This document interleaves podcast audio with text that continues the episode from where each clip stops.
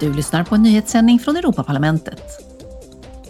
Den här veckan gick Europaparlamentet med på en ändring av en förordning som innebär att ett stödpaket på 18 miljarder euro nu kan överföras till Ukraina efter att Ungern hade lagt in sitt veto mot det ursprungliga förslaget. Parlamentet använde ett så kallat brådskande förfarande och godkände den av rådet föreslagna ändringen av förordningen om makrofinansiellt bistånd som innebär att de 26 medlemsländerna står som garanter för lånet. Under plenarsessionen stödde ledamöterna planerna på att öka andelen förnybar energi. Beviljandet av tillstånd för nya kraftverk för förnybar energi ska snabbas på.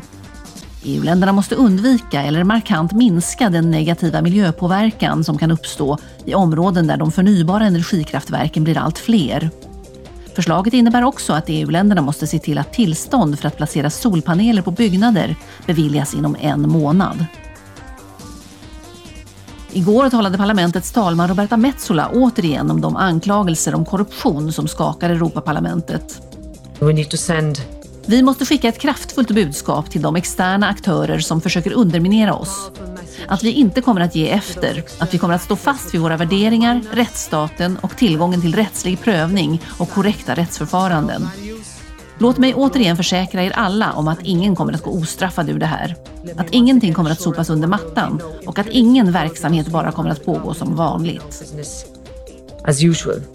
Parlamentets talman Roberta Metsola tillade också As of today, I am putting together a wide-ranging reform package från och med idag sätter jag ihop ett omfattande reformpaket som kommer att vara klart efter nyår.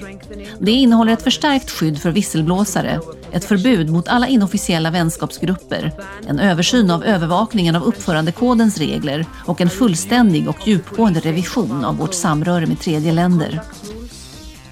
and a complete and in-depth look of how we interact with third countries. Inför EU-toppmötet sa hon att parlamentets lagstiftningsprioriteringar för 2023 och 2024 är reformen av energimarknaderna, klimatmålen och fastställandet av migrations och asylreglerna. Du har lyssnat på en nyhetssändning från Europaparlamentet.